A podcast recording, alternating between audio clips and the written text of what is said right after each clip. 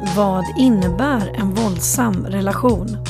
Vad finns det för olika typer av våld? Vilka varningstecken finns? Detta är några av alla frågor som vi kommer att titta närmare på under vår andra säsong av Destruktiva relationer med Mire Sennehed och Elisabetta Gräsbäck.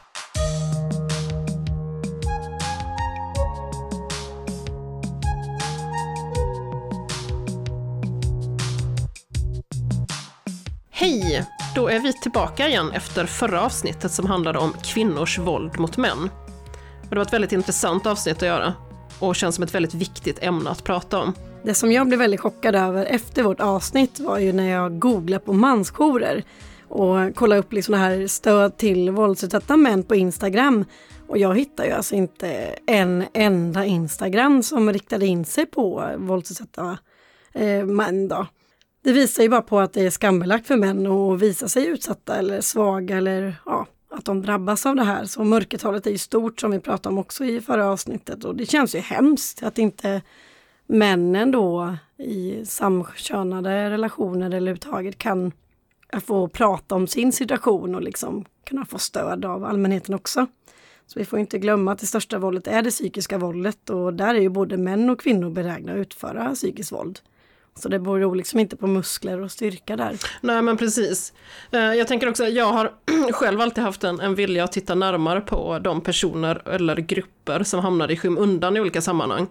Och här mm. ser jag det lite som att männen, just som du, som du säger, ett stort mörkertal av män som inte, som inte blir hörda och som inte vet var de kan vända sig riktigt.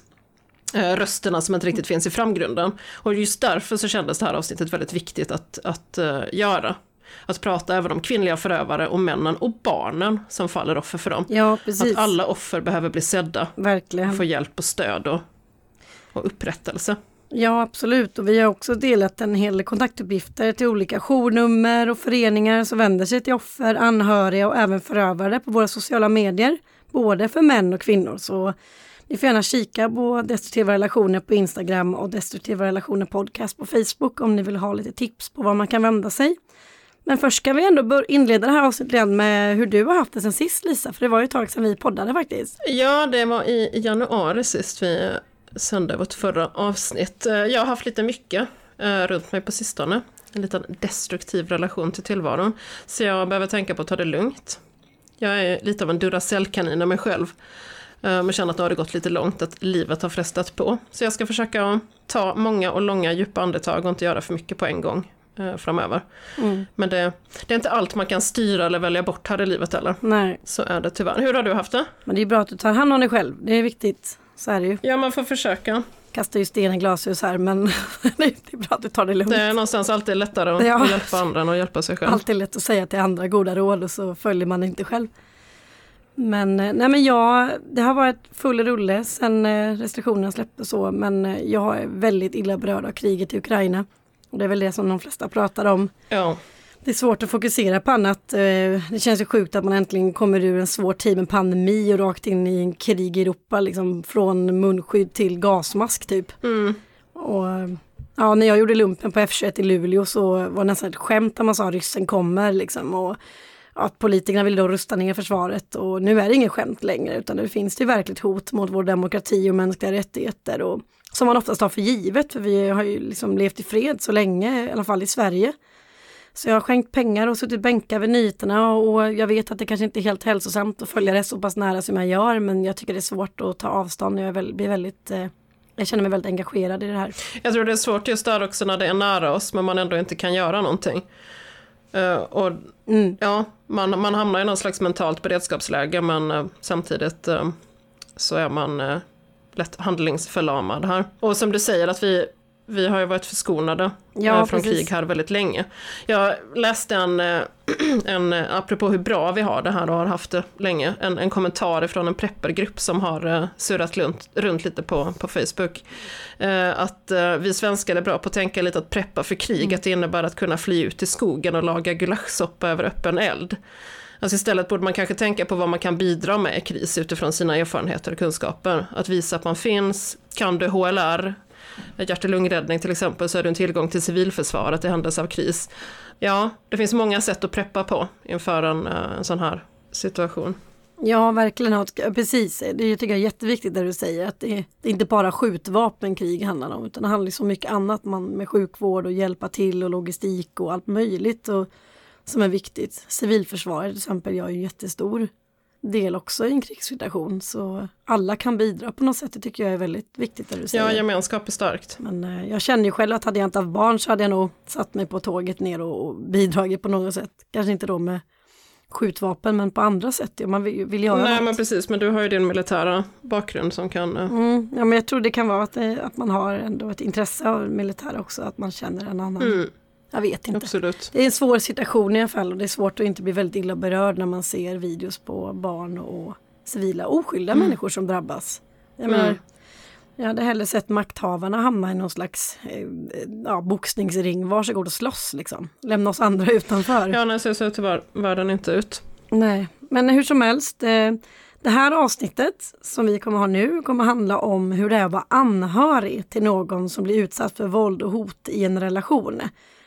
Eh, I och med att man ja, som anhörig är det ofta tufft att stå bredvid och se vad som händer men inte veta hur och när man ska gripa in. Det innebär ofta en stor dos ja, men frustration, oro, stress att vara anhörig. Känslor som man inte vill visa eller lägga över på den som blir hotad och slagen.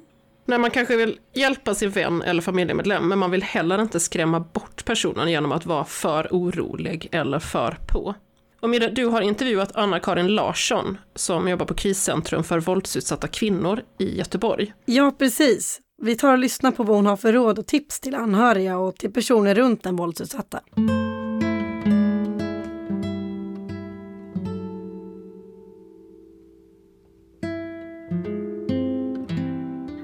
Välkommen hit Anna-Karin Larsson. Tack.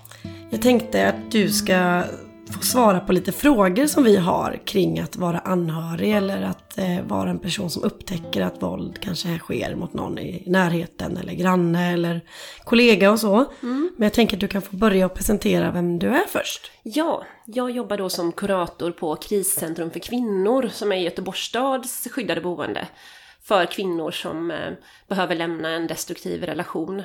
Kvinnor och deras barn. Eh, sen har vi även en jourtelefon som är öppen dygnet runt dit både våldsutsatta, människor som möter våldsutsatta, både privat och professionellt, eh, anhöriga bland annat, kan ringa in och, och få rådgivning och, och sådär. Mm. Ja, men ett jätteviktigt arbete som du gör. Och du har jobbat en, en hel del år också med den här. Ja, jag har jobbat sedan 2008 eh, på kriscentrum. Så att jag har ju hunnit möta ganska många kvinnor och, och barn. Mm. Och en fråga som inte jag har med här i listan som jag skickat till dig. Men är det så att också att män hör av sig till er? Eller finns en annan plats för män att höra av sig? Ja, alltså våldsutsatta män eh, och även män som utövar våld kan ju vända sig till kriscentrum för män. Som både har en samtalsmottagning, eh, men de har också ett boende. Sen är det faktiskt så att vi på kriscentrum har fått en extern lägenhet som ligger eh, en bit ifrån boendet. Eh, som, är, som har ett visst skalskydd, som har ett larm. Och det är ju tanken att även, inte bara kvinnor, utan även våldsutsatta män som behöver lite mer skydd än vad de kan på, få på kriscentrum för män. Och eh, hbtq-personer. Så vi har faktiskt haft ett par eh, våldsutsatta män som har bott i vår lägenhet. Men sen kan ju givetvis män, så att ringer en man som är utsatt eller utsätter så hänvisar vi till kriscentrum för män om det inte är så att han har ett väldigt stort skyddsbehov och behöver ett boende i vår externa lägenhet. Men däremot kan ju givetvis män ringa i egenskap av anhöriga eller professionella som behöver rådgivning. Mm. Jag tänker, hur stor del av de samtal som ni får eh, på jouren då är från oroliga anhöriga och vänner? En ganska stor del skulle jag vilja säga. Eh, jag har inga siffror men eh, en ganska stor andel är ju från, från människor som möter våld i sin närhet. Det kan vara, ofta är det ju ja, det, yrkesverksamma kuratorer på SFI till exempel, på skolor. Men det kan också vara grannar eller hyresvärdar som hör av sig, personal på hotell som misstänker att det är någonting som inte står rätt till, arbetsgivare. Så det kan vara alla möjliga, men det vanligaste är ju att det är vänner eller nära familj som ringer. Och vilka är de eh, främsta orsakerna till att anhöriga vänder sig till er? Det allra vanligaste är ju att anhöriga ser och förstår och vet att, att deras anhöriga är utsatt för våld men inte riktigt har kraft eller förmåga eh, att lämna relationen. Och att de här anhöriga vänder sig till oss för de känner en jättestor vanmakt och förtvivlan och oro och inte vet hur de ska göra. Eh, hur de på bästa sätt ska stötta. Och också hur de ska få den här personen att lämna. Det är mm. väl det vanligaste skulle jag säga. Så det är vanligast för familj och vänner, är det då flest kvinnor eller män, pappor, mammor som hör av sig? Övervägande kvinnor. Ja. Väninnor eller mammor skulle jag säga. Och det är klart att det är från mammor som den allra största förtvivlan och vanmakten kommer. Det är ju otroligt smärtsamt att se sin dotter fara illa och inte kunna riktigt hjälpa eller inte veta hur man ska göra. Nej. Ser ni något annat som sticker ut just hos samtalen som kommer från anhöriga? Det är väl framförallt den här otroliga vanmakten som sagt. Att, eh, att de är verkligen fullständigt förtvivlade och fullständigt... Eh, och mår jättedåligt själva också. Som maktlöshet ja, på något sätt. Ja, ja, precis. Så det blir ju svårare att ge råd. Det blir ju mycket mer stöttande eh, på något vis. Ringer det någon som inte är riktigt lika nära känslomässigt så det är lättare att ge mer konkreta råd och att personen nöjer sig med det. Men det är klart, om, om det är någon som står dig väldigt nära, då är det svårare. Därför att eh, väldigt ofta så är det ju inte tyvärr så att ofta, ofta får jag svara till till exempel mammor som ringer att du gör redan allt du kan. Att det handlar om att på något vis kunna stå ut i vanmakten. Det kanske inte är så mycket mer du kan göra utan i slutändan är det din dotter som mm. måste ha motivation att ta steget. Med hjälp av dig och andra förstås, men det är ändå hon som måste ta steget. Och det kan dröja. Det kan dröja lång tid innan så sker. Så mm. att liksom på något vis inse att det är inte så mycket mer jag kan göra. Att stå ut i det. Vilka är era främsta råd till anhöriga anhöriga i stort inför samtal med en person som är utsatt för våld. Hur pratar man med en vän som man vet blir misshandlad av sin partner? Det handlar ju om att finnas där. Det skulle jag säga är det allra viktigaste. Att man visar att man finns där. Men att inte vara för, eh, hur ska jag säga, pushig. Eh, det sämsta man kan göra är ju som sagt att klippa kontakten, men det näst sämsta är ju att ställa ultimatum. Och att eh, vara dömande. Och, och liksom säga åt personen att du måste lämna. Du måste lämna annars. För då kan det bli ett bakslag att personen drar sig tillbaka. Utan det handlar mer om att bara finnas där och visa att man finns där helt enkelt. Mm, så det är helt enkelt vara den som lyssnar, säga att man var lyssnar. lyssnar. Ja, mm. ja, och som stöttar. Mm. Och som när personen är redo att lämna som finns där. För att det är svårt att lämna en, det ska man vara medveten om att det är otroligt svårt att lämna en relation där det finns våld. Mycket, mycket svårare än att lämna en, så att säga en normal relation. Mm. Och det tror jag, jag menar det har ju många, jag tänker alla som inte själva har varit utsatta eller, eller professionellt möter våldsutsatta, tror jag har väldigt svårt att förstå det. Och jag tänker att det kan vara farligt också. Jag menar lämna, att det kan vara, det är ju när man lämnar som kvinnor blir mördade. Ja visst, så är det. Så är det ju. Mm. Så rädsla är ju en jätteviktig faktor eh, som gör att man blir kvar i relationen. Så är det absolut. Tips till föräldrar som anar att deras barn far illa i sin relation. Hur närma sig ett vuxet barn då? Med sin oro samtidigt som man visar respekt för deras livsval. Mm, det är ju lättare sagt än gjort som sagt eftersom man, det är så mycket egna känslor. Men om det går att försöka och inte visa så mycket utav den egna förtvivlan och vanmakten. Men ändå vara ganska rak och säga vad det är, alltså vad det är jag ser. Jag ser att det ser ut att inte vara så bra i din relation. Jag märker ju att, för ofta ser man ju och hör saker liksom. Eh, jag märker att han gör så här och så här och jag ser på dig att du har börjat dra dig tillbaka och så vidare. Eh, det är ju väldigt många tecken som man som anhörig ser. Så att vara ganska öppen med det och fråga hur, hur har du det? Mm. Ofta kanske man inte får, eh, ofta kanske det blir liksom... Att ja, det är inte, bra. Ja, mm. ja, men precis. Och då får man ju nöja sig med det, men fortsätta fråga. Fortsätta mm. fråga, för det, förr eller senare så kommer personen att berätta. Och då att bara erbjuda sig att att liksom, ska vi gå, ska vi ta kontakt liksom med en kvinnojour, med socialtjänsten, jag kan gå med dig. Att liksom erbjuda sig hela tiden, hela tiden finnas där och inte ge upp. Och det svåra tycker jag, det kan ju också vara när man får frågan hur mår du, hur har du det? Så kanske man är så pass manipulerad så man tänker att det är bra och så mm. säger man det fast mm. någonstans tror jag att det kan vara viktigt att ha den här frågan som du säger. För det ja. gör ju att man till slut börjar tänka, varför frågar mina anhöriga ja. hela tiden hur jag mår? Varför är de så oroliga? Vad är det jag mm. inte för, liksom, snappar upp själv? Precis. Det kan ju vara en, en och, klocka som, precis, något som och, växer fram sakta kanske. Ja men exakt, och kanske inte nöja sig heller med det svaret. Fast jag ser ju att... Det är alltså någonting. så. Mm. Och sen får man ju, och där är ju alla olika naturligtvis, man får ju ha fingertoppskänsla där liksom, när, när det är läge att sluta fråga så att säga. För det kan ju bli, om det blir för mycket så kanske hon drar sig ännu mer in i sitt, skal. För det finns ju så mycket skuld och skam förknippat med att leva i våld. Ja, och jag tänker också att om man, eh, när man då närmar sig någon, att man då undviker kanske, eh, om man, eller man, man pratar med andra anhöriga eller vänner mm. och bollar dina tankar. Om man känner sig frustrerad, ledsen, vilket man gör mm. om man ser någon man bryr sig om som far illa. Mm. För att det är klart att man behöver ju som anhörig naturligtvis eh, också bolla och få ur sig och, och liksom ta hand om sina egna känslor och bli lyssnad på och så vidare.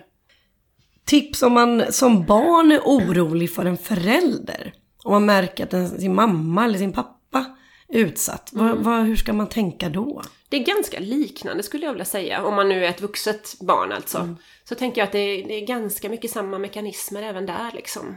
Återigen att, att finnas där. Att, eh, att, att ställa frågor. Att liksom... Eh, att visa att jag är här om du behöver mig och... Mm. Händer det att barn mm. kontaktar er? Det händer. Det händer absolut. Och då kan det ju vara de, de konkreta råden vi ger är ju också, jag menar om det är så att det är klart att har du en mamma som har levt, liksom, det kanske är din pappa som utsatte henne och de kanske har varit gifta i 50 år liksom. Det är klart att mm. har du levt så länge i en relation med våld så blir det ju naturligtvis ännu svårare att lämna. Men det är ju aldrig omöjligt heller, det ska man ju också veta, man ska ju aldrig ge upp hoppet. Vi har ju haft liksom kvinnor som har varit 70-80 år som har varit gifta länge och som till slut tog steget. Mm. Efter att barnen Oj. var utflugna. Ja. Så att det, det finns alltid hopp liksom. Mm. Det, det, kan ju också vara lite, lite gott att kunna förmedla det, att det är liksom aldrig för sent. Sen är det ju det är en minoritet av kvinnorna naturligtvis som är äldre och som har levt så länge, men det har ändå varit en och annan genom åren. Och jag tänker också naturligtvis rent konkret liksom att stötta, att ska vi gå tillsammans till socialtjänsten, vi kan ringa, att man liksom ändå Mm. För ibland kan det ju vara så att det, det, finns ju olika grader av, vad ska man säga, motivation hos den våldsutsatta. Hon kanske har uttryckt att hon faktiskt vill lämna, men hon vet inte hur, hon vågar inte. Det finns ju jättemycket känslor och tankar som står i vägen och naturligtvis rent fysiska hinder också. Det är ju som sagt farligt att lämna, det behöver ske på ett säkert sätt.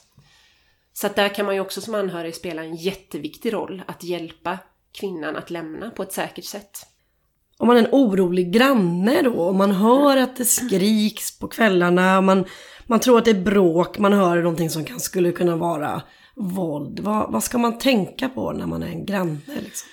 Jag tycker att man ska agera när man hör något som, man, som kan vara tecken på våld. Det ska man alltid göra. Sen är det ju upp till, liksom, och där får man ju någonstans avgöra liksom, om det är, känns säkert att faktiskt knacka på. Mm.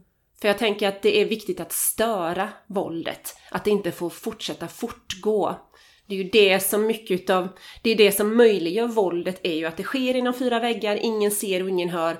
Eller folk ser och hör och vågar inte ingripa. Nej. Det gör ju att våldet kan fortgå. Så stör! Och känns det farligt eller känns det obehagligt och du inte riktigt vågar ringa på, så ring polisen.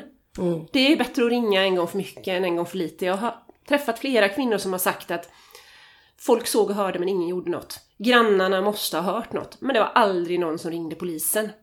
Så att, återigen, det är samma sak där. Om man ringer polisen och de kommer, mycket möjligt att mannen öppnar och säger att det är ingenting. Eller kvinnan öppnar och säger nej men allt är okej. Mm. Men efter ett antal gånger, jag tänker att det väcker någonting i henne att veta ändå, okej okay, det, finns, det finns människor som hör, som ser, som bryr sig. Alla sådana här tillfällen väcker ju liksom hopp hos kvinnan tänker jag också att det är möjligt att lämna. Så att... Eh, mm. Jag tänker att det blir mer verkligt också. Andra uppmärksammar ja. det man är med om i och med att man då i många gånger kan bli manipulerad. Att mm. du har bara inbillat dig eller jag skrek inte alls eller jag är inte alls... Alltså, Nej precis, att, precis. och ja. det, det, sänder ju också signaler till våldsutövaren att oj då, jag har visst, det är visst folk som ser och hör här liksom. Det blir lite jobbigt, kanske lite pinsamt. Mm.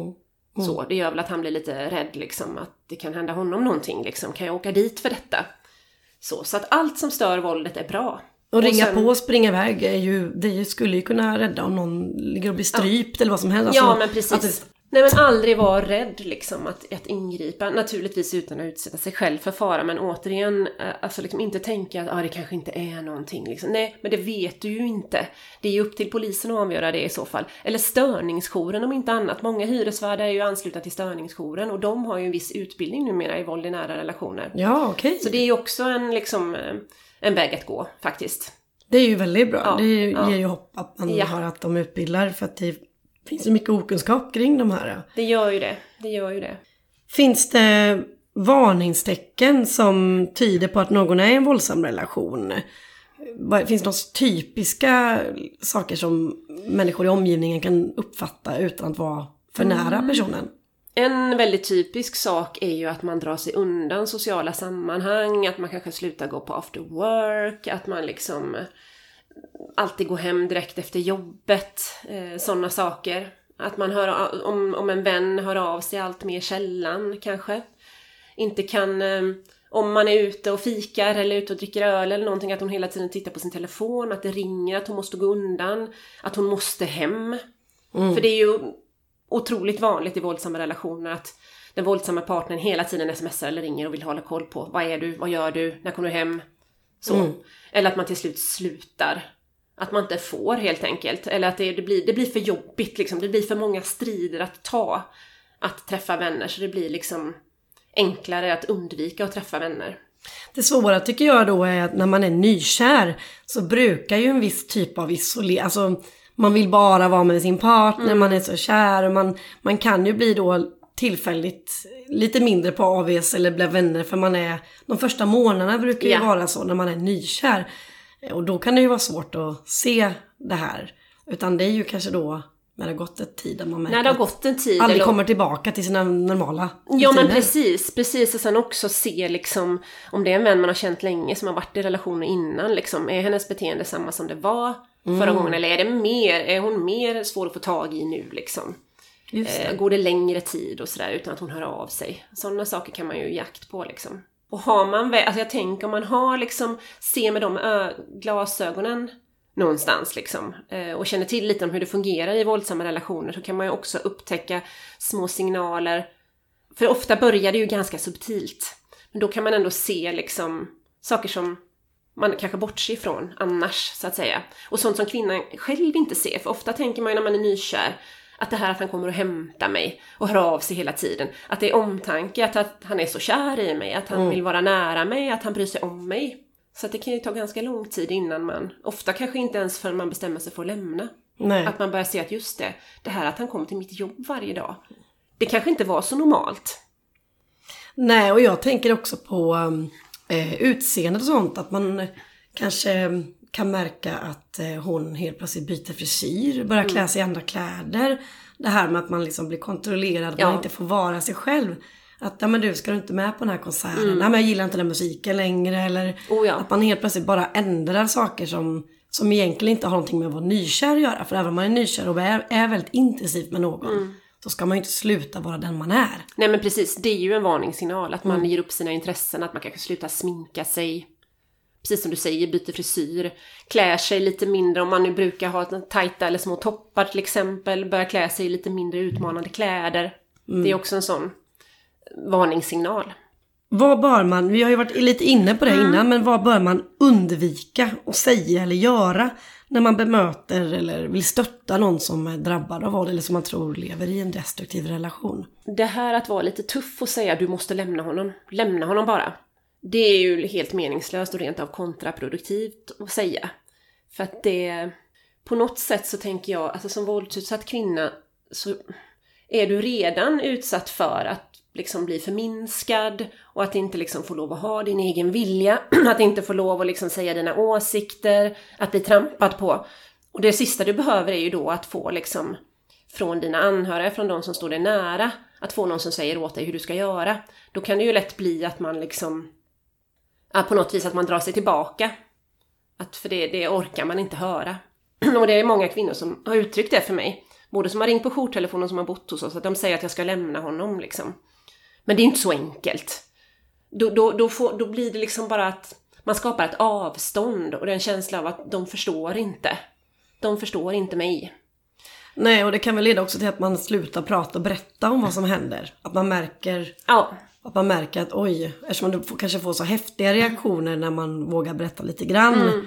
Och att det blir det här att men så här kan du tolerera, du måste sätta massa ultimatum. Mm. Och då blir man så här, men om ni visste om det här andra som jag inte har berättat, då hade ni ju gått bananas. Och då blir man ju Precis. helt Och då hade tyst. det kunnat bli en farlig situation liksom. Där, där de intervenerar på ett sätt som, som liksom kanske hade blivit potentiellt farligt. Så dels är det ju en ren liksom säkerhetsfråga liksom. Att det, det, det blir ju liksom, det är inte säkert. Men sen också att det, det blir respektlöst. Eller det kan i alla fall upplevas som respektlöst även om det inte är så. Att man idiotförklarar lite grann. För någonstans är ju alla våldsutsatta kvinnor medvetna om att den här relationen är inte bra. Han är inte snäll. Det är inte så att man inte fattar det. Det är ju liksom... Hade det varit så enkelt hade man väl gått efter så fort det hade liksom börjat att urarta, så att säga. Så att det måste man förstå, att det är mer komplext än så. Så att det man, det man bör, ja, det, det är väl det, nästan det sämsta. Det allra sämsta är ju som sagt att inte benämna det alls. Det, är ju, det är ju nästan värre, eller till och med klippa kontakten. Det är väldigt sällan tror jag som det sker, men jag tror att det kan nog hända att nu orkar jag inte mer. Ungefär som jag ibland hör att föräldrar till missbrukare gör, att nu, nu bryter jag helt, liksom, om du inte kan sluta så bryter jag helt. Och det är klart, om det händer då har man ju inget, alltså att man tappar sitt nätverk ännu mer liksom. Nätverket spelar en jätteviktig roll om de kan stötta på rätt sätt. Och det, det är ju där vanmakten kommer in, att det måste ske i hennes takt. Det är ganska meningslöst, och även om du skulle så att säga intervenera, om det skulle vara möjligt nu, det är ju sällan det är det, men om det skulle vara fysiskt möjligt att bara plocka bort en kvinna från en destruktiv relation, då kan jag lova att då skulle hon ganska snabbt gå tillbaka igen. För att hon måste ju vara där själv, redo att lämna. Och det är ju som sagt, det är svårt att lämna en, en våldsam relation. Och många kvinnor lämnar ju flera gånger och går tillbaka innan de är redo att ta det slutgiltiga steget. Det ser ju vi på boendet väldigt ofta. Vi har ju kvinnor som kommer tillbaka både två och tre gånger. Det är väldigt vanligt att kvinnor väljer att gå tillbaka. Ja, jag har hört de, de medel eh, sju, åtta gånger i med, genomsnitt medel. Det är ju många. Det har jag det. också hört. Och många utav kvinnor som kommer till oss har ju försökt lämna flera gånger. Fast då kanske de har tagit sin tillflykt till vänner och bekanta. Eh, och så kommer de till oss och så hoppas ju vi naturligtvis att nu, nu är hon redo. Nu är det sista gången liksom. Så ibland blir även vi överraskade. Eh, ibland är ju kvinnan, ger hon väldigt tydligt uttryck för sin ambivalens. Så att man vet att okej, den här kvinnan kanske går tillbaka. Men ibland kommer det faktiskt lite som en, mer överraskande för oss också. Det finns ju någon sån här liksom fördom att starka kvinnor inte skulle fastna för de här våldsamma männen. Den har ju jag också själv fått höra när jag har drabbats. Att du, en sån stark och driven kvinna och så smart, hur kan du? Och då blir ju det att man, och då när man går tillbaka, fram och tillbaka, så tycker folk, är, har jag fel uppfattning om dig? Är du inte så stark? Eller vad, som att man skulle vara immun mot manipulation. Och, Ja men precis, och den fördomen tror jag vi alla lever med, även jag menar som, som våldsutsatt själv liksom. Så jag, jag tänker den finns så djupt, in, det, det finns ju, den är ju helt felaktig givetvis. Men jag tror att det kan bli ännu på ett sätt jobbigare för kvinnor som själva har sett sig som väldigt starka, som är väldigt kompetenta på många olika sätt och som ses som väldigt starka och kompetenta, att det blir liksom en, ett problem med ens självbild. Mm, och en anledning till att stanna också. För att om man då har inlett en relation med någon och är den här starka drivna kvinnan Mm. som folk ser upp till. Då tänker man att om jag berättar och ger upp den här relationen. Eh, liksom, då kommer alla få veta vad jag har varit utsatt för. Ja. Det är bättre att vara kvar och försöka, och försöka liksom tro på att han kommer förbättra sig. Mm. Så vi kan dra ett streck över de här hemska sakerna så ingen behöver veta detta. Så slipper jag skämmas över att jag lät honom behandla mig så här illa. Ja men precis. Och då blir det rätt att man, jo men det är bättre att jag stannar och försöker reparera detta än, Ja. att, än att berätta vad som händer och få Ja. skämmas. Absolut, och man kanske inte ens vill erkänna för sig själv att man Nej. har varit utsatt för våld. Så, att, att det är liksom, just som sagt för att man, det, det liksom skulle ruinera den egna självbilden. Man vill inte se sig som ett offer och så vidare. Nej, precis. Inte att vara ett offer och att man är en kämpe. Sen tänker jag också att, jag vet inte om det skulle kunna vara någonting att man tar kontakt med andra som har varit drabbade. Att man pratar med någon, för när man själv har varit drabbad så har man ju inte alls samma fördomar då som någon som inte har varit drabbad Ja. av våldet. Och det är därför det är så otroligt kraftfullt. Vi har ju våran gruppverksamhet. Och det är ju, det är något, något speciellt att träffa andra som du säger som har varit med om samma sak. Och det märker vi också i boendet här att en del kvinnor eh, blir väldigt nära vänner under tiden de bor här. Det är ju något speciellt liksom. Att man har varit upple- upplevt liknande saker. Och det är ingenting, oftast är det ju ingenting liksom som man behöver prata om ens liksom. Men man, man vet att den andra förstår. Mm. Det, det är ju väldigt viktigt. Ja. Och sen, jag tänker på förövaren då, den som utsätter liksom, den som är våldsam. Hur ska man som anhörig runt om förhålla sig till honom eller henne? Det är jag väl inte den bästa att svara på egentligen eh, faktiskt eftersom vi inte alls jobbar med... Eh, våran samtalsmottagning jobbar ju med, även med kvinnor som utsätter för våld i nära relation. Men eh, det är ju väldigt svårt att, att bemöta. Jag tänker att ofta får man ju liksom... Och det ingår ju någonstans i problematiken hos den som utövar våld. Att man inte tar ansvar och inte erkänner våldet. Så att eh, det är klart att man kan ju benämna det liksom och... Jag, jag tänker att man ska ändå vara ärlig och benämna det. Mm. Sen tror jag inte att det kommer bli liksom... Det är ju väldigt, väldigt svårt som anhörig att få någon att ändra på sitt beteende. Man Kanske kan ju- bättre att lägga fokus på den som blir utsatt och Jag få tror att det faktiskt är Mm. det. Jag tror att det det faktiskt som ger är det. resultat. Liksom. Ja, precis, precis. Och det händer ju faktiskt att kvinnor som, som kommer hit har stöd även från eh, den våldsamma partnerns eh, familj och släkt.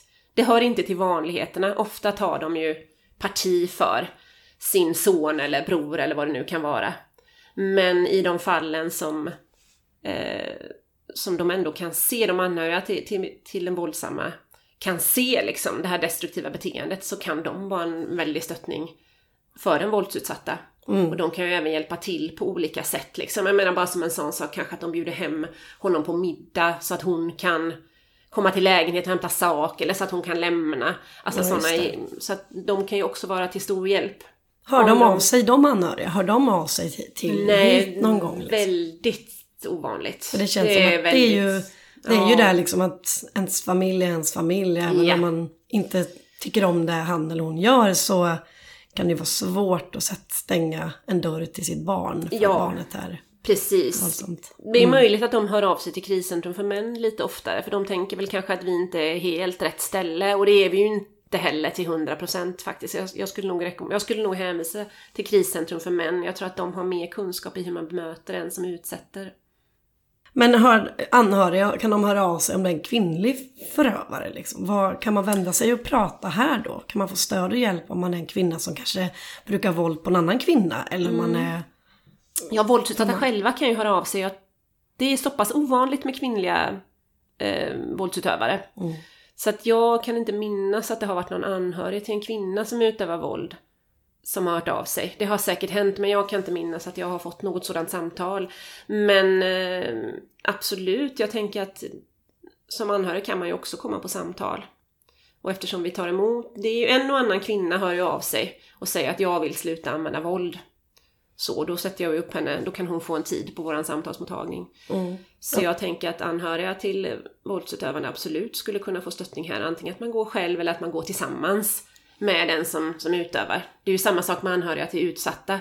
Där kan, jag menar det var till exempel en man som ringde om eh, hans eh, flickvän eller sambo hade varit utsatt i en tidigare relation och han visste inte riktigt hur han skulle hantera. Han såg att hon mådde jättedåligt. Han ringde väl kanske mer utifrån att han förstod att hon behövde hjälp men Ja, inte riktigt, inte riktigt orkade eller, eller vågade eller hade motivation att ta tag i sitt mående.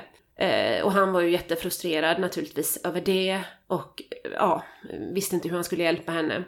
Men han, då var hans tanke att om vi går tillsammans, att jag kan nog få med henne på ett första samtal. Att vi kan gå tillsammans till kriscentrum och hans förhoppning var ju att hon skulle vilja fortsätta gå individuellt då. Ja, fint. Så att så det, det är liksom att göra trösklarna så låga som möjligt Mm. helt enkelt. Så kan man också göra, det är ju ett bra Ja, tips. Att man ja. kan, jag följer med liksom. Att Ja precis, eller att man ringer, att man säger är det okej att jag ringer? Vi kan ringa tillsammans till kriscentrum.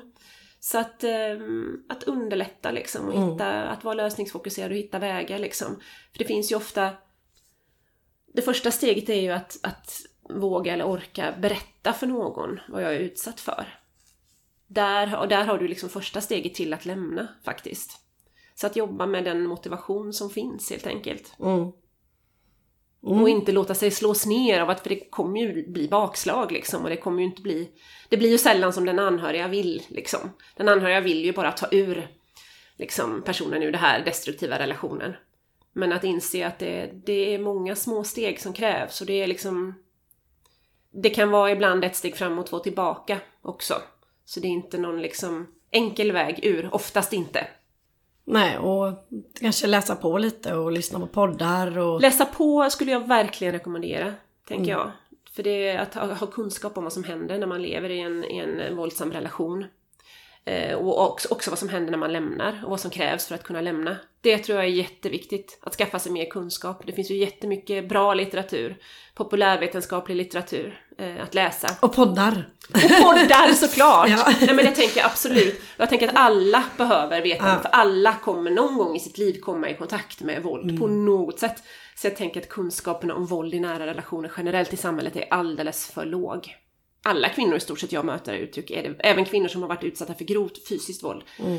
eh, menar ju på att det psykiska våldet är det värsta.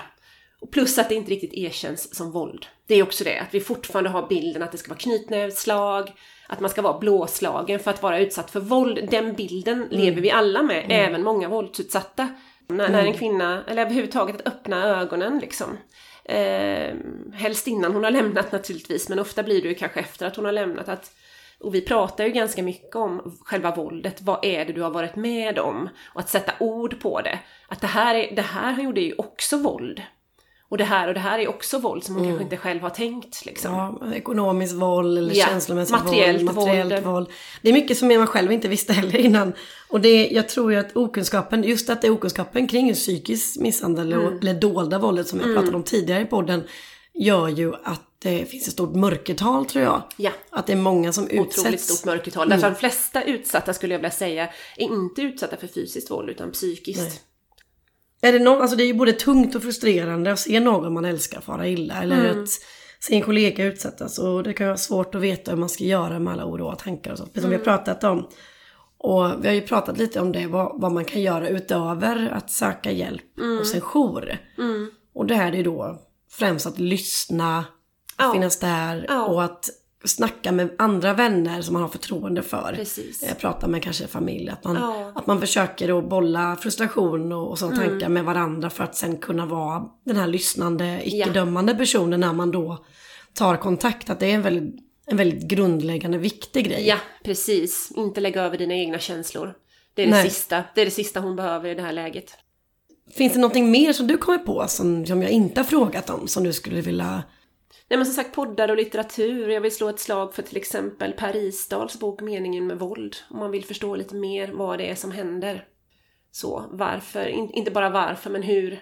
Alltså han, han definierar ju våld, vad som händer i en våldsam relation och vad våldet egentligen handlar om. Jag tror att det kan ge en bättre förståelse för både anhöriga och naturligtvis våldsutsatta också. Mm. Att förstå vilka krafter det är som det handlar om. Att inse liksom hur svårt det är att lämna, att det inte bara är att gå. Sen finns det många, många andra böcker också naturligtvis. Eh, men jag tror också det kan vara till hjälp. Kunskap liksom. Man läser om eh, trauma bonding. Mm. Det är ju mycket då. Alla mm. de här mm. olika banden till en person ja. som man ska De här traumatiska bandet man pratar om. Viveka ja. Einander. Mm. Eh, Margareta Hudén är också en forskare som skriver populärvetenskapligt lättillgängligt. Liksom. Mm. Eh, så. Jättebra tips. Mm. Ja, nej men eh, jag får tacka dig Anna-Karin för att du var med. Det var ja. jätteintressant och väldigt eh, spännande att få höra eh, olika tips. Och väldigt viktigt, spännande kanske är fel ord, men mm. viktigt att få prata om de här grejerna. Så hoppas vi på att människor kan läsa på mer och bli ett bättre stöd. Ja, tack mm. själv för att jag fick vara med.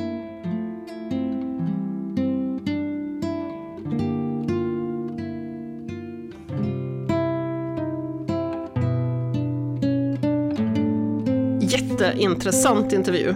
Eh, Anna-Karin har ju många års erfarenhet att dela med sig av, det hör man tydligt. Jag tänker mycket på det här med frustrationen i att lära sig stå ut, som hon pratar om, eh, med vanmakten när en anhörig och nära far illa och man inte vet hur länge den här personen kommer att, kommer att fara illa. Man kan inte bryta in, mm. eller det är hjärtskärande och så sant. För det är ju faktiskt ingenting som man vill lära sig att stå ut med när man älskar någon. Nej. Jag tror det går emot någonting väldigt vitalt i oss. Det här med att, eh, jag pratade med en, eh, en, en vän också som, eh, som har fått öva på det här i sitt liv, att vila i ovisshet. Att det någonstans blir ett måste. Att man, man måste hoppas på det bästa men leva med det värsta samtidigt. Mm. Och det är en, en oerhört knepig sits. Ja, verkligen. Och hon belyser verkligen viktiga saker som man måste tänka på som till exempel ja, men traumatiska bandet till sin förövare som är anledningen till att man inte kan lämna så lätt. Vi ska ju faktiskt prata mer om just de här anledningarna till att man stannar i senare avsnitt. Men också att man som vän eller anhörig ska, kan söka stöd hos andra och inte hos den som är våldsutsatt.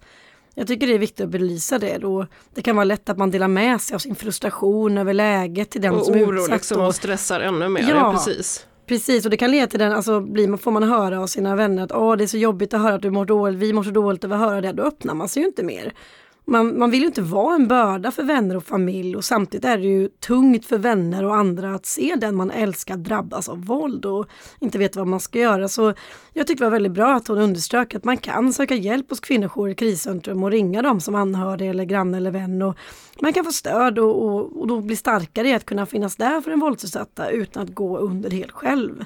Det är liksom ja, jag tycker också att få hjälp och få hjälp att förstå mekanismerna eh, som mm. anhörig, som du är inne på här med att varför någon stannar kvar eller har svårt att lämna.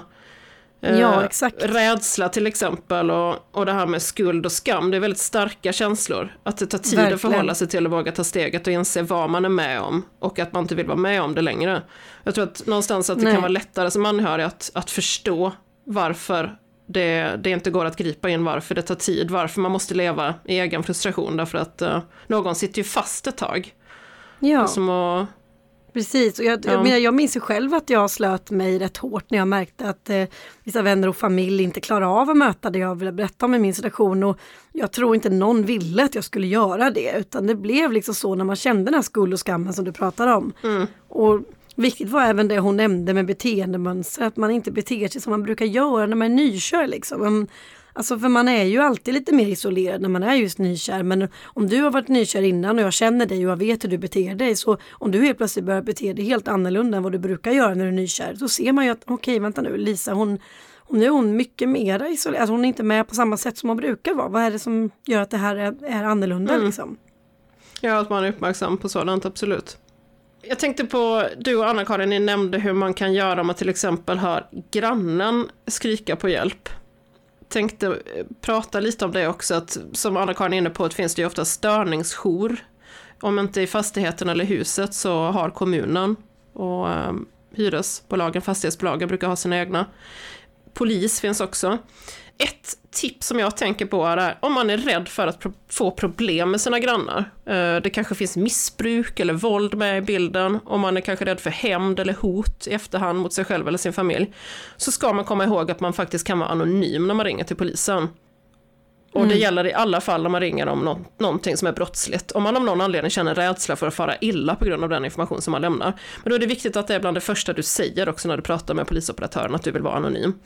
Eh, jag har själv varit med om när jag har ringt faktiskt om grannar att eh, polisen har eh, sagt att vi kommer inte ut om inte du uppger ditt namn och det stämmer inte. Oj, ah, och då gjorde jag helt enkelt så, då, då fann jag mig i en sån situation att jag kände att här, här fanns det liksom missbruk med i bilden, att jag vill inte ha, jag vill inte skapa problem. Nej. I, i byggnaden mer. Så att jag ringde en fem, sex gånger och till slut så fick de ju åka ut. Mm. Ja men det där är jätteviktigt. Och det, precis, om man känner att man inte, inte vågar så så, så finns, det, finns den möjligheten. Det är viktigt att veta om sina rättigheter, så är det ju. Så det, det är jättebra att du... Men kan man vittna och, så, så, och känna att man vill och liksom. vågar så är det ju jättefint. Då kan man ju stötta någon på ett annat sätt. Mm. Ibland kanske det också kan finnas en rädsla för att man gör någonting värre om man knackar på till exempel en granne och som man anar blir hotad eller misshandlad eftersom man inte alltid kanske har nära relation till alla sina grannar. Så det är svårt att avgöra hur mycket man kan lägga sig i. Man är ju kanske ofta rädd för att man ska ha missförstått det hela, men där är det ju viktigt att intala sig själv att omtanke sällan gör folk arga. Jag menar, om de blir arga så kanske det är ett tecken på att någon faktiskt inte är som det ska. För jag hade blivit väldigt glad om någon hade ringt på för att kolla läget. Så här, hur, hur, är allting okej okay, liksom? Och att grannar agerar är ju så viktigt. Men jag tänker också just det här med att när man inte riktigt... Uh, jag som själv har vuxit upp med psykiskt och fysiskt våld i familjen vet att det många gånger är oerhört känsligt för förövaren om någon annan får inblick i eller försöker reda, ta mm. reda på eller uttala sig om vad som sker i hemmet. Så om någon knackar på där så blir det som att man mm. öppnar upp, uh, någon får inblick i bubblan. Och stängs dörren sen så riskerar offren att få ännu mer stryk just när förövarna blir påkomna avslöjade. För många gånger så är de lättkränkta, lättprovocerade och eh, så får offren, många gånger kvinnor, ännu mer stryk. Jag tänker på att eh, det är inte orimligt att ställa sig den frågan om man vill ta den risken. Nej, så är det absolut. Och det, det är väl absolut förståelse att man tänker Just på när det. man inte känner grannar. Och... Nej, exakt. Nej, men det är väl inte, absolut inte konstigt. Och jag tänker också att eh, man kan ju också vara så att man ringer på eller knackar på och man avleder någon från, som håller på att bli strypt. Så det kan ju också vara så att man hejdar någonting som är dödligt. Så det, så det är Absolut. svårt att veta, så jag, det, det, är inte så himla lätt. Det är en svår balans att veta hur och när man ska gripa in och vad man gör, när man gör bäst nytta för, för offret. Mm, precis. Sen tänker jag också att det handlar ju inte alltid om att kanske ringa på eller knacka på exakt då när man hör skrik och sånt heller eh, om bråk. Man kan ju också göra, när jag hade ju en granne som frågade mig, hur är läget? Eh, hörde du bråket igår? Och jag menar, jag vet ju att jag, jag rös ju till för det var ju mig hon syftade på och jag liksom skakade på huvudet och bara nej. Och jag tänker ändå, det skapade ett frö i mitt huvud att det fanns människor som hörde detta. Att det, här är, det kändes ju att det här är allvarligt, det är inte bara jag Exakt, som märker det här. det ger ju precis. ja, man kan visa omtanke bara. Är allt bra? Kan man fråga. Du, det hördes var väldigt massa bråk igår. Alltså, det räcker ju med små sådana grejer utan att anklaga eller så. För då, jag tror man, Nej, man, man gör frågar med omtanke, precis. Ja, eller hur. Så det går ju att göra på andra sätt än just integrera exakt när det händer också, även om jag tycker man ska göra det. För risken finns ju att det är något riktigt allvarligt på gång som man faktiskt kan avbryta. Men ringa polis är ju bättre en gång för mycket än en gång för lite. Ja, jag tänker överhuvudtaget, nu har vi varit inne på mycket som man kan göra, liksom, men att man gör någonting. Ring och, ring och rådfråga en mm. vän, googla på vad du kan göra, men att bara mm. låt inte någonting vara. Nej, exakt. För jag tänker att är det sunt och det inte är någonting allvarligt så är det ingen som blir arg för att man bryr sig. Jag har väldigt svårt att se det. Att man blir arg för att någon visar en omtanke. Mm. Nej, jag tänker många gånger på det här också med att jag brukar eh, tänka på vad om jag kan placera det som jag hör från en lägenhet i ett bra sammanhang. Om jag till mm. exempel hör någon skrika nej i panik så är det en omöjlighet. För det finns liksom inget, kan man ha fått en brödrost på tån? Nej. Eller om man hör nej. upprepade hårda dunsar, då, då tänker jag att men nu måste jag agera. Mm. Och sen som du säger också viktigt att följa upp uh, med en granne, att man, man, man ser ser och hör. Man kan ju oftast gå ut och lyssna vid dörren. Jag menar, oj, det var visst en barnfamilj och barn som leker. Okej, vad bra. Då vet jag att de här dunsen inte var något annat. Jag menar, och är barn man... inblandade precis så kan man alltid ja. göra en orosanmälan och det ska man ju göra. Precis, absolut. Men jag tänker om man, om man är orolig för att man uppfattar saker fel så går det ju att gå ut och lyssna vid en dörr med. För det hör man ju bättre än via väggar Exakt. och tak. Orosanmälan gör man då till sin kommun. Går man in på uh, sin kommuns hemsida söker orosanmälan barn så kommer ni garanterat att få upp kontaktuppgifter där. Apropå det här med uh, våld bland grannar så finns det en bra hemsida också www.huskurage.se och även en bok som heter Huskurage författad av Nina och Peter Runge. Och Nina är krimino kriminolog, genusvetare och före detta utredare vid familjevåldsenheten i Stockholm. Och boken vänder sig bland annat till fastighetsägare i Sverige och handlar om hur man kan hjälpa till att stoppa det relationsvåld som pågår i lägenheter och eh, hos grannar runt om i landet. Så gå gärna in på hemsidan så kan ni läsa mer om boken och mer om huskurage. Ja, och jag kommer på att jag har ju faktiskt ringt på en gång och sprungit iväg för att jag var lite orolig för en granne som också tror jag hade missbruksproblem. Och man behöver liksom inte konfrontera grannen liksom heller och fråga hur de mår eller lägga sig på det sättet utan bara ringa på och rusa iväg kan ju faktiskt avleda någonting och störa om det är så att han eller hon håller på att skada sin partner riktigt allvarligt. Ja men precis. Så avleder ju det. Det finns ju undersökningar som visar på det att, att när man skriker till eller reagerar och ropar, jag menar någon, någon offentligt står och gör någonting också. Mm. Man ser någonting som händer på stan, man ser att någon är aggressiv eller våldsam, börjar man skrika eller kasta eller göra någonting så, så liksom man stör situationen och det kan göra att personen slutar med det den håller på med. Så man får inte underskatta sin förmåga att störa helt mm. enkelt. Sen är det just det att eh, utan kunskap så vet man inte. Och det gäller också att kunna googla på och titta på olika varningssignaler och tips på vad man kan känna igen på, även in, inte bara... Eh, nej men jag tänker också på när man har, har en kollega som eh, ändrar sitt beteende som jag pratade med i Anna-Karin om det här med att man brukar gå på AVs eller man brukar bete sig på ett visst sätt och sen slutar man med det. Och är man nykär så kanske man struntar i vissa träningspass eller AVs och sådana grejer för att man är nykär men då gäller det liksom att ändå märker man av att den personen hela tiden kollar på telefonen eller beter sig annorlunda så har man kunskap om de här varningssignalerna som vi också pratade om tidigare så tror jag att man kan snappa upp att någonting inte stämmer. Ja, och det här också med att inte ge upp kanske eller tro för, gå på magkänslan där, känner du att någonting är, är konstigt och, och kollegan eller vem det nu är svarar att men allting är bra, men du fortfarande märker att nej, fråga, fortsätt fråga, visa att du bryr dig. Mm. Ja, för jag tänker det här också med, precis, du och Anna-Karin var, var inne på det också, med att varje person har sin process att blir man avbruten, jag känner igen det själv, eh, att nej. när någon, mina vänner och, och familj har velat liksom, men gör så här Lisa, nu får det vara nog, och liksom, nej men jag har inte kommit dit ännu, jag är inte där. Jag Precis. har inte förstått min situation fullt, fullt ut så att jag kan ta det här steget än. Och det är bara jag som kan komma till det. Det är ju det som någonstans gör att man inte vågar, eh, eller vill, ta emot hjälp. Därför att man känner, du förstår inte riktigt än. Jag förstår inte riktigt än, jag är inte där. Nej. Och man blir manipulerad också många gånger. Och jag tror att det kan vara viktigt att få lyssna på hur andra har det i relationerna för att kunna jämföra lite grann så här, man pratar rätt allmänt liksom. Och får lyssna. Man behöver ju umgås med andra människor och det är jätteviktigt att inte den här partnern lyckas isolera en från ens vänner för att mm. vännerna är påstridiga eller dömande. För då börjar, slutar man umgås med dem för då kommer den här partnern säga kolla han, dina vänner lyssnar inte på dig, de bryr sig inte och de bara dömer dem. De förstår inte våran kärlek och bla bla bla. Så det är jätteviktigt att verkligen vara okej okay, nu märker vi att någonting inte stämmer, då kanske man kan prata ihop sig sinsemellan. Vi måste stötta henne eller honom för det, var, det verkar inte riktigt vara helt hundra här och finnas där och stötta på en, bollplank mer så här. Ja, jag tycker det låter ganska taskigt. Alltså man kan ju säga vad man tycker. Det är inte så att man inte måste sitta och le och säga men gud det är jättebra att han säger så. Det är klart man får reagera på det man hör. Jag tänker även att det är så knepigt så att uh, även reaktioner bör man hålla för sig själv. Därför att som vi var inne på tidigare, man vill inte föda mer oro än vad man redan gör.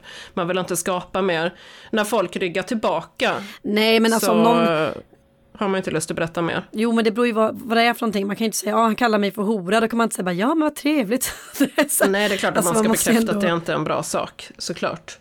Men just det här med att göra stora ögon och oj oj oj, sa han verkligen så? För det vet jag själv, sånt har gjort att jag bara okej, okay, nej då berättar vi inte mer här.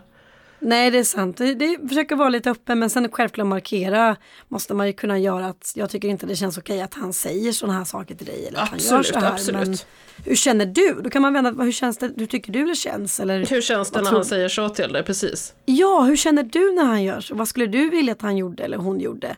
Det är bättre att vända sig till personen mm. som är utsatt istället och fråga eh, hen hur hen upplever saker istället för att man själv ska lägga orden i mun såklart. Eller berätta och liksom så det, det håller jag med dig om, men, men jag känner att vissa gånger så berättade man ju saker för att man visste att det här är ju inte riktigt, man vet ju också, alltså det är som Anna-Karin säger, de som blir utsatta de är ju inte dumma i huvudet. Alltså vi som har blivit utsatta, vi, vi, det är ju så att vi inte vet om att vad som är inte okej, vi vet ju om att den här personen som gör de här taskiga sakerna, att det är taskigt.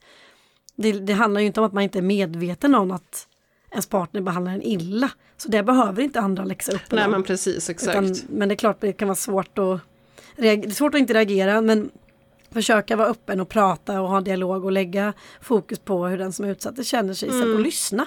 För oftast behöver man prata av sig. Ja men man behöver precis ventilera annars ja. blir man ju som en tryckkokare. Ja, det är det man, man också vet med sig vad ens eh, anhöriga lever med. Och då är det ju som du säger faktiskt Lisa, jag håller med dig. Om någon sitter och bara nej men gud, oh, helt förfäras helt och hållet hela tiden.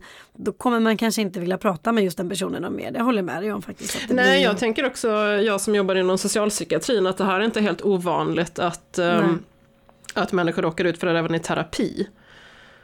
Mm. Att man, um, det är viktigt att tänka på att hålla, hålla som sagt reaktioner för sig själv. En annan grej som jag faktiskt eh, lyssnar på en annan podd om och läst lite om är just det här med att om man blir utsatt så är det ju ofta så att man kanske får blåmärken om man blir slagen eller man får massa mm. verbala hot och grejer och man raderar saker eller man tappar bort bilder på blåmärken. Man sparar liksom inte den här eh, bevisen om man säger så. Och då kan man ju som anhörig faktiskt när man stöttar någon som är drabbad att skicka de här bilderna till mig. Mm -hmm. jag, kan liksom, jag kan behålla bevisen på att han har skadat dig eller hon har skadat dig eller sms eller ja men du vet printscreen på saker och sånt. För det är lätt att man sparar sånt i telefonen och så kommer ens förövare och slår sönder telefonen eller och sen kanske man hamnar i vårdnadstvist och bara, ja, men eh, min, min, mitt ex brukar våld mot mig och barnen. Jaha, vad har du bevis för det? Ja, jag har det i min telefon men den blev sönderslagen eller tagen av min förövare. Så, och då är den bevisen borta.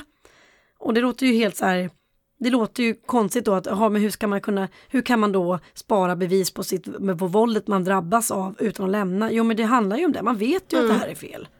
Så det är, inget, det är inget ovanligt att personer som blir slagna eller psykiskt misshandlade på olika sätt, att man sparar bevis på det, men så tappar man bort eller blir av med det på olika sätt. Så där kan man ju faktiskt säga, skriv ner, ta mm. kort, skicka bilden till en anhörig, säg som anhörig, liksom, tar du kort, skicka det till mig. Även fast det är skittufft att säga det. Säg det. Spara bevis på att, vad som händer. Så du har det ifall att. Ja precis, man vet ju aldrig vad som kan vad som kan bli användbart i framtiden som du säger. Har man en bra och förtroendefull relation till någon ja. som är drabbad så kan man vara behjälplig på det viset. Och registrera våldet och även att säga att jag kommer inte tvinga dig att bevisa, jag kommer inte, bevi eller jag kommer inte tvinga dig att anmäla, jag kommer inte tvinga dig att visa det för någon. Du kan lita på mig, jag sparar det här bara ifall du i framtiden vill eller känner dig redo att lämna eller anmäla då har jag kvar detta mm. i all förtroende. För, då, för det får inte bli ett ultimatum att man hjälper till att spara bevis så att man sen pressar personen att du måste liksom utan det här ska vara i all förtroende, vilket är jättetufft att ta mm, den. Man, men jag tror man fungerar som en extern hårddisk. Ja, ja precis. Som en extern hårddisk. Ja, mm. nej, men det, ja, men det, det, jag har liksom inte riktigt tänkt på den grejen förrän jag hörde det på podden. Jag tyckte det var väldigt bra, för själv skriver jag ner anteckningar och sånt. Och och sådär och, och har bilder på min mobil som, och även filmer där jag har filmat mitt ex liksom mm. i olika situationer när han har skrikit och gapat och sånt. Och nu som tur var så har jag kvar min telefon, det blev inte av med det så jag har kvar de här bevisen men för andra som är utsatta på andra sätt så kanske man blir av med det. Så det jag tror att det är jättebra att skicka över eller lägga själv upp det på någon Google Drive eller någonting som man vet att inte ens förövare har tillgång till på något sätt. Mm. Ja men precis. I ett USB-minne man gömmer någonstans. förstår ju kan bli en stor risk. Ja eller hur.